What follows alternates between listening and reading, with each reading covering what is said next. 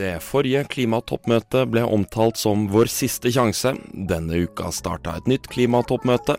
Jeg skal fortelle litt om hva som skjedde denne uka, men først litt mer facts. Ja, for uh, før fotball-VM sparkes i gang i Qatar, er et par av verdens øyne retta mot Egypt. I det tidligere ferieparadiset Sharm el-Sheikh foregår et møte som veldig mange mener er veldig, veldig viktig.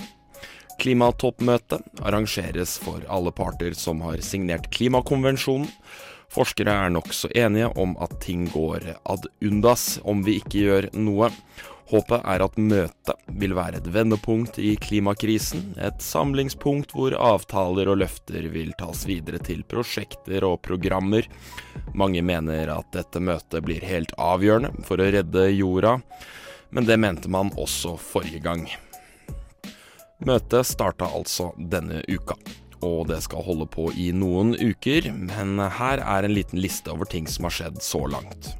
For det første, over 600 lobbyister for noen av selskapene som rangeres som verdens største forurensere, har registrert seg som deltakere ved toppmøtet. Det er 25% flere enn ved fjorårets møte i Glasgow i Skottland. Dette er et høyere antall med lobbyister enn fra de ti hardest rammede landene til sammen, og et av de viktigste temaene på konferansen er hvordan de hardest rammede landene skal bli kompensert for sine skader som følge av global oppvarming. Og en skatt på fossilbransjen er et av forslagene som har blitt tatt opp fra talerstolen på møtet, da. For det andre, på onsdag presenterte USAs klimautsending John Kerry en plan som vil gjøre det lettere for private selskaper å bidra til at utviklingsland skal klare overgangen til bruk av grønnere energi. I korte trekk går planen ut på at pengene fra private fond skal brukes til å hjelpe utviklingsland med overgangen til renere energi gjennom salg av såkalte karbonkreditter. De kan selskapene i sin tur bruke til å redusere egne avtrykk og kalle seg utslippsfrie.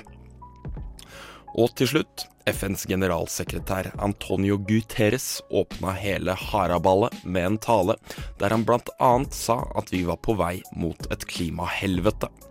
Han la også til at vi var på vei mot dette helvetet med foten på gasspedalen.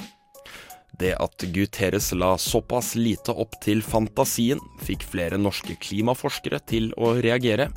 Flere av dem mener at forskningen ikke beviser at verden vil gå under hvis man ikke når målene fra Parisavtalen. Likevel mente flere av dem at det er bra at han tar klimakrisen på alvor. Uansett, møtet varer frem til 18.11, så da blir det spennende å se om han får redda verden denne gangen.